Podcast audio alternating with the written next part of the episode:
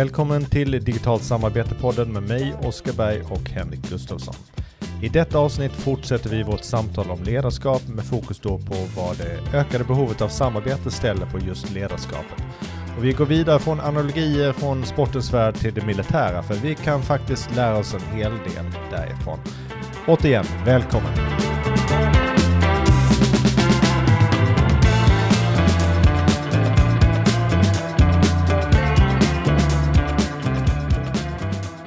Här kan ju riskera att bli en eh, poddserie i sig, det här med ledarskap.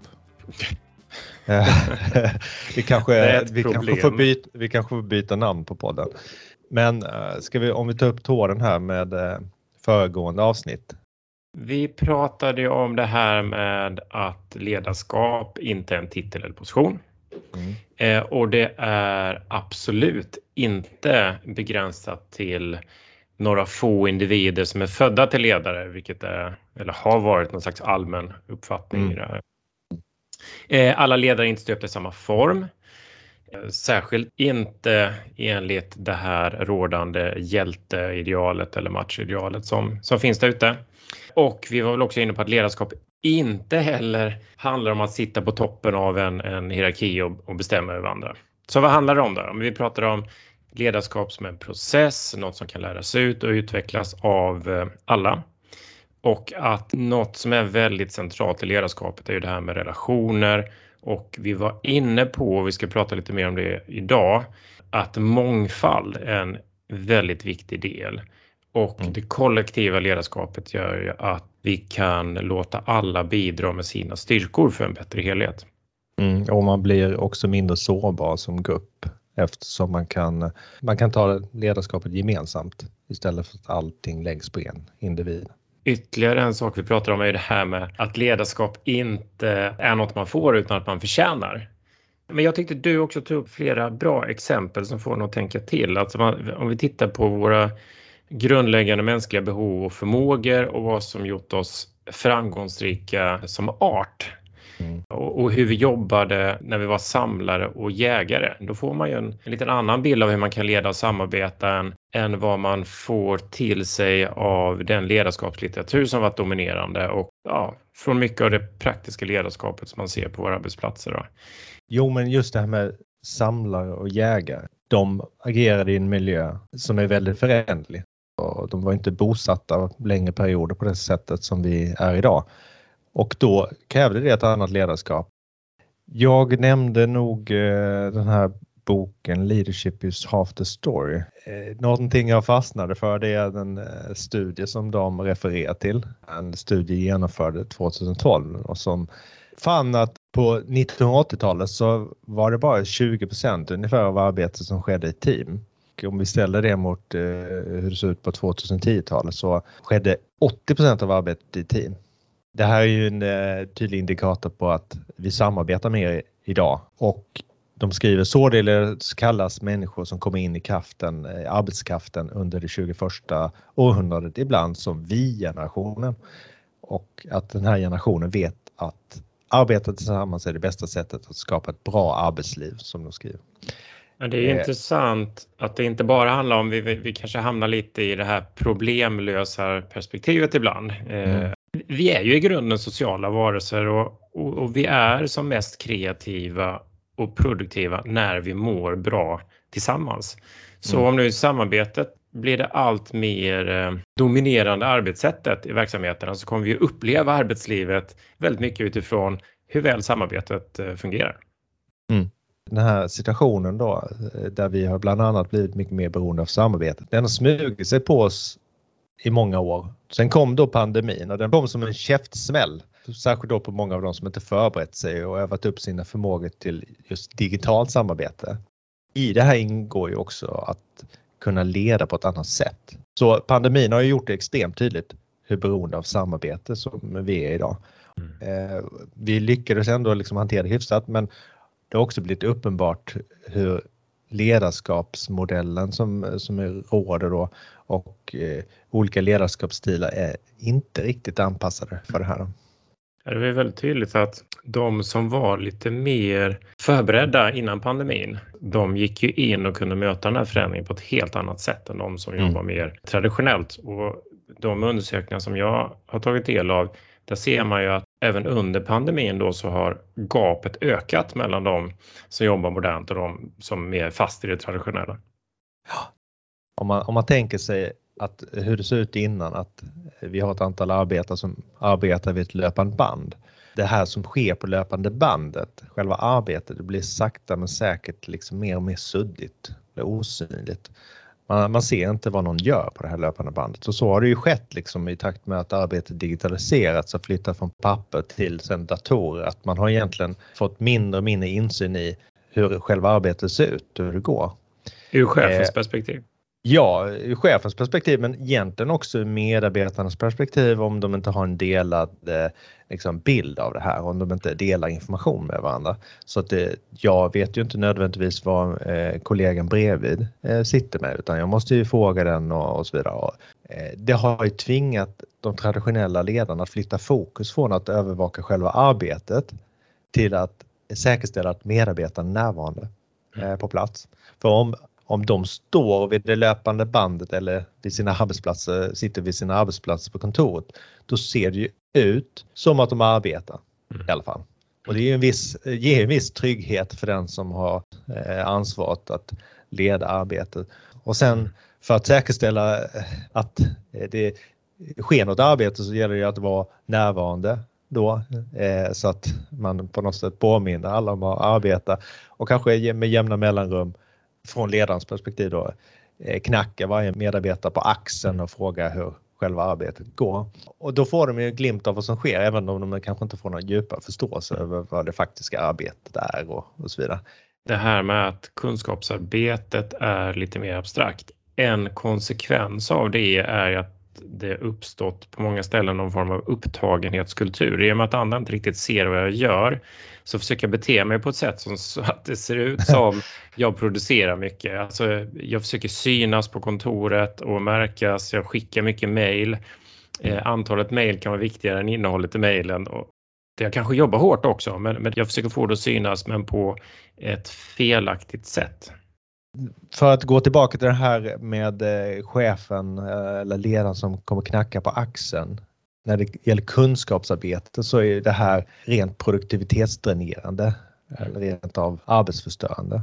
Och ändå är det ju just denna metod och det sättet att bete sig som många nu har flyttat till det digitala. Det ser vi ju med ständiga videomöten där man ska följa upp hur det går, kontinuerliga check-ins, ringer medarbetare och förhöra hur det går och så vidare.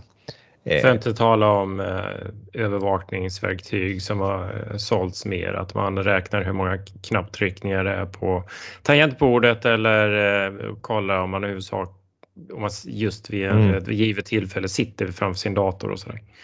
Precis, för de eh, möjligheterna finns ju nu då så att det, risken är ju att man tar till dem också. Då. Du delade igår en eh, illustration på LinkedIn mm som visar en bild av, vad ska vi kalla det, traditionellt ledarskap. Det är en person med megafon som sköter planering, som eh, delegerar ut uppgifter och samordnar arbetet och så har vi ett antal då underställda som sitter på rad och, och liksom bara utför. Och det är ju ett väldigt intressant exempel för det är ju så otroligt vanligt förekommande ska vi säga, ledarskapsmoment det här just med, med planering och uppföljning. Men vi ser ju i grunden inte några skäl till varför inte det här skulle kunna vara någonting som gruppen gör gemensamt och löpande. Om vi inte befinner oss eh, på samma fysiska plats så kan vi använda digitala planeringstavlor och liknande för att få den här samsynen. Mm. För det finns ju en risk med det här traditionella om vi tar exempel med planering då, det är att chefen tar fram jättefina målbilder, långsiktiga planer, men de kanske ligger ganska långt ifrån vad medarbetarna egentligen brottas med och vilka behov de har och vilka vardagliga uppgifter de har. Så fördelen med att göra det här mer kollektivt är att de här målbilderna och, planerna när de tas fram tillsammans blir mycket mer relevanta och såklart också då gör att medarbetarna känner sig mer delaktiga och, och sannolikt ökar ju också engagemanget då i den här gemensamma resan eller i, i, i det man har framför sig. Då. Mm. Så att det, det, känns ju lite som du var inne på, på tidigare Oskar, det känns ju otroligt gammeldags att uppföljning sen när de här planerna också ska ske genom att ha någon hängande över axeln som kollar att det, det, blir gjort. Det känns som att man helt plötsligt blir barn på jobbet igen när man har en förälder som står liksom och, och hänger över och, och, behöver peka på vad man ska göra och inte. Det handlar ju mer om att skapa en tydlighet i vad som ska utföras och varför så att jag som medarbetare själv kan ta ansvar och lösa den här uppgiften mm. Eh, på egen hand eller tillsammans med andra. Och den här tydligheten i vilka uppgifter som ska göras, varför man ska göra det, den blir mycket bättre om vi hjälps åt och alla kan bidra med sina perspektiv och tankar och, synpunkter på det här. Om det är någon som lyssnar på det här som jobbar med utveckling och IT-utveckling, vilket säkert några gör, så, så kanske man känner att ja, det här är ju yesterday's news. Jobbar man i agila team så är det här självklarheter. Nej, men det blir en stor krock när, när de här olika miljöerna möter varandra för att det finns så mycket saker man är drillad i, både i det mer traditionella och eh, i eh, det här Gila som du tar som exempel. Eh, det finns principer och arbetssätt som ligger i, i bakgrunden som tar ett tag att förklara och jobba in sig i. Jag kan nog känna igen mig att det, man kan prata helt förbi varandra när det kommer deltagare som är vana vid de här olika miljöerna och så ska man samarbeta i samma team. Om man inte då systematiskt jobbar med det här. Mm. Jag tror att det svåraste av allt är det här eh, transparenta. Liksom jobba öppet och transparent. Det är den svåraste förflyttning för att det, det hänger ihop med så mycket annat. Synen på framgångar och misslyckande och karriärstegar och så det är väldigt svårt att ta sig ur. Men det kan funka då i ett mindre team där man bygger en skyddad miljö och mm. skapar psykologisk trygghet. Där kan man våga göra det men sen utanför den bubblan så blir det samma visa igen. Ja, men det, det är egentligen är nog det vanligaste tillståndet att i, i större organisationer att man har alla möjliga typer av ledarstilar i olika bubblor inom eh, hierarkin. Det kan vara allt från terrorledaren som, som leder sin grupp med skräck till den mer byråkratiska ledaren som skickar mål och resultat fram och tillbaka till olika bubblor eller celler som, som kanske jobbar väldigt kollektivt och, och agilt. Mm om vi går tillbaka till det här med pandemin så kan vi säga att även om det fullständiga distansarbetet som nu har skett under perioder och kommer och går under pandemin, även om det inte kommer fortsätta efter pandemin så kommer ju det här digitala samarbetet fortsätta att öka ännu mer just för att vi har det här grundläggande behovet av att kunna samarbeta med varandra eh, tvärs över organisation, eh, en organisation och över organisation och då det digitala en eh, självklar möjliggörare för det. Och det innebär ju att ledarskapet måste utvecklas och förändras för att fungera eh, i den här miljön. Det finns liksom ingen återgång till det ledarskap som skapats för det industriella företaget och som levt kvar så länge då trots att förutsättningarna förändras dramatiskt men det kanske det smugit sig på lite grann. Eh, det finns jättemycket eh, exempel på framgångsrika verksamheter som kan liknas mer vid organismer än maskiner. Där man sätter medarbetarnas autonomi och engagemang i centrum. Och eh, det är verksamheter som styrs mer genom team som tar egna beslut. Kanske då med stöd från, från eh, ledning eller stabsfunktioner. Men i huvudsaken så är de självstyrande och det genomsyras av tillit, som vi återkommer till hela tiden här, fri information och ett kontinuerligt lärande som är jätteviktiga principer för att det här ska funka. Och är man nyfiken på vad det här är för typ av organisationer, för det finns i alla, alla möjliga branscher, så, så kan jag verkligen eh, tipsa om en bok eh, som heter Reinventing Organizations av eh, Fredrik Laloux. Där finns det eh, många exempel på sådana organisationer och eh, också då hur de fungerar i praktiken. Ja, det finns ju exempel onekligen, och, eh, men de har ju liksom inte, det har inte blivit en ny standard, en ny best practice. Mm. Och jag tror att mycket ligger i det att de flesta organisationer de är liksom fokuserade på Eh, att göra det de ska göra, om man säger så. tillverka sina produkter eller sina tjänster och så vidare. Och, och för att ta en liknelse med att köra bil. Det blir att man måste både göra vägen samtidigt som man kör på den. Det blir en stor utmaning, väldigt krävande, men till slut kommer man ju till en återvändsgränd där man liksom inte kan köra längre för att man har inte uppgraderat och förändrat sig då. Ja, man, man tuffar fram med sin droska på motorvägen och de andra bara far förbi för att de har faktiskt eh, lyckats lyfta sig. Det är ju en kortsiktighet som gör att man inte tar sig an det här. Absolut, och det vill säga att man ger sig inte in på okänd mark. Det finns eh, gott om exempel på hur eh, sådana här organisationer och sånt här ledarskap ska, kan fungera och med framgång. Så att eh, det är inte så att man ger sig in i en total experimentverkstad utan man kan göra det steg för steg med en tillförsikt om att det kommer, kommer att bli bra i slutändan. Jag kommer tänka också på det här med skillnaden mellan chef och ledare. Mm. Jag läste en bok här nyligen av Rich Divine. Han jobbar med Navy Seals kom ut med en bok förra året som heter The Attributes som bland annat upp en del av ledarskapsförmågor. Jag tyckte att han eh, formulerade ganska väl när han sa så här att människor följer ledare villigt och ivrigt eftersom ledare motiverar och influerar. De kanske instruerar men de dikterar inte. De uppmuntrar men manipulerar inte. Och så säger han också människor presterar som bäst för ledare, inte för att de blivit beordrade att göra det utan för att de vill. Och det är ganska intressant. I, det kommer från en person inom militären och vilka var det som var med och uppfann den hierarkiska organisationen och ledarskapet? Eh, det var General Stanley McChrystal som ledde Joint Special Operations Task Force i Irak.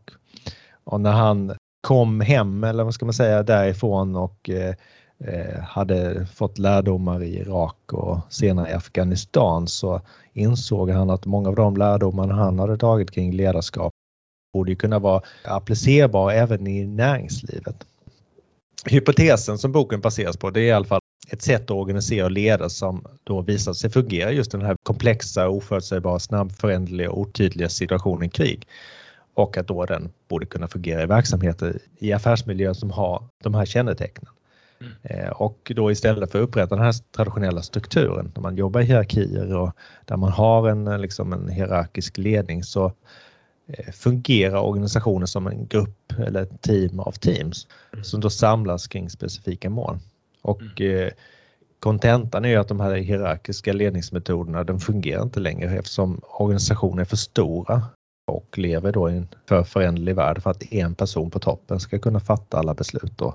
Alltså, vi fortsätter det här med militäriska här, men eh, jag tyckte det fanns en del guldkorn i den här eh, boken från eh, Rich eh, och, och, hans Navy Seals perspektiv som jag mm. refererade till alldeles nyss. Då. Men han, han är ju väldigt tydlig med att ur hans perspektiv eller deras perspektiv så och vi pratar om högpresterande team, då, då flyttas ledarskapet till den och där det behöver vara vid varje givet ögonblick. Att den i teamet som är närmast problemet kan kliva fram och ta ledarskap medan resten av gruppen då sluter upp till den här tillfälliga ledaren. Och Rich, han vet inte riktigt vad han ska kalla det här sättet att organisera sig. Han pratar om någon slags amöbaformad organisation då, men jämfört med Lalo som jag nämnde eh, tidigare också här då, han, han pratar om organismen. Så det är väl liksom det här lite mer flytande och dynamiska som bägge två är ute efter att beskriva.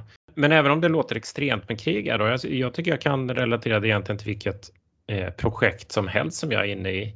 Där egentligen varje teammedlem driver på de frågor som ligger inom deras kompetensområden eller styrkor då, om man så är kommunikatör eller designer eller utvecklare eller eh, vad det nu kan vara. Och det, även om det kanske inte är precis lika extremt och handlar om, om liv och död som för Navy, Navy Seals så, så känner man ju verkligen igen eh, principerna tycker jag.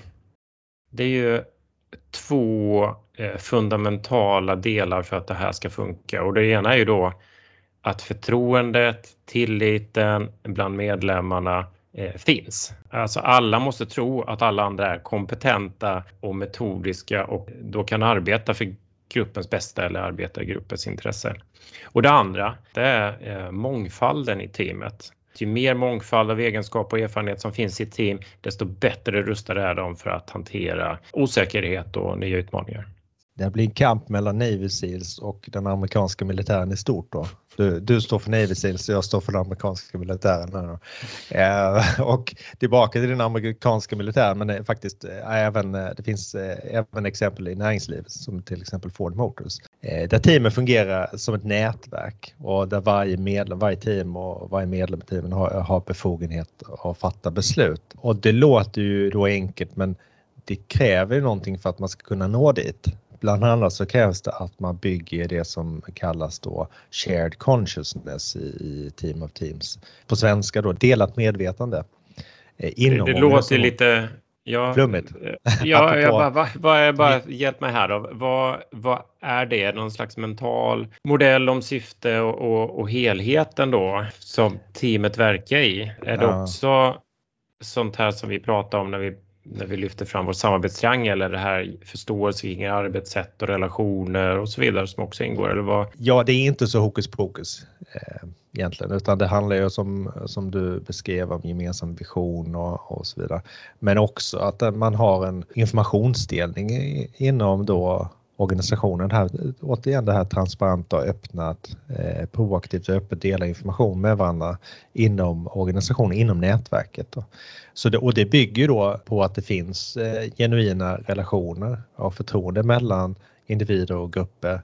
Och jag tänker det här kopplar lite grann till det här med mikrointeraktioner och work out loud, eh, begrepp som vi pratade om i tidigare avsnitt. Det är bara att mm. tänka på ett team eller funktioner i en, en, en eh, verksamhet nära en själv som man ser inte kommunicera med varandra utan mer bryr sig om sitt och då blir det att de jobbar åt olika håll, hittar inte synergier och de återuppfinner hjulet hela tiden och så vidare. Så nu lämnar vi det här med, med Crystal eh, med att eh, konstatera just att han använder analogin att ledare bör fungera lite som trädgårdsmästare. De spelar inte ett parti schack där de ska diktera varje dag. Istället ska de då skapa en miljö där varje bit, varje liksom växt eh, eller vad man ska säga kan växa samtidigt. Som en trädgårdsmästare går och petar lite och ser till att det finns näring och vatten och så vidare. Är det en bättre metafor med trädgårdsmästare och, och fina trädgårdar, väl ansade och eh, än de här eh, kladdiga möblerna vi var inne på innan? Am, am, amöber och lite new age, kollektivt eh, medvetande eller delat medvetande och trädgårdsmästare. Det är det moderna ledarskapet. Vi har inte övertygat någon med det här poddavsnittet på andra ord. inte ens ja. oss själva. Vi kanske ska avrunda där ja. Eh, för dagen. Eh, det kanske är tillräckligt eh, mycket från Berg och Gustavsson i, i en dos. Kul att, att vända och vrida lite på det här och se fram emot kommande avsnitt. Yes, vi tar upp tråden där. Tack. Tack för det.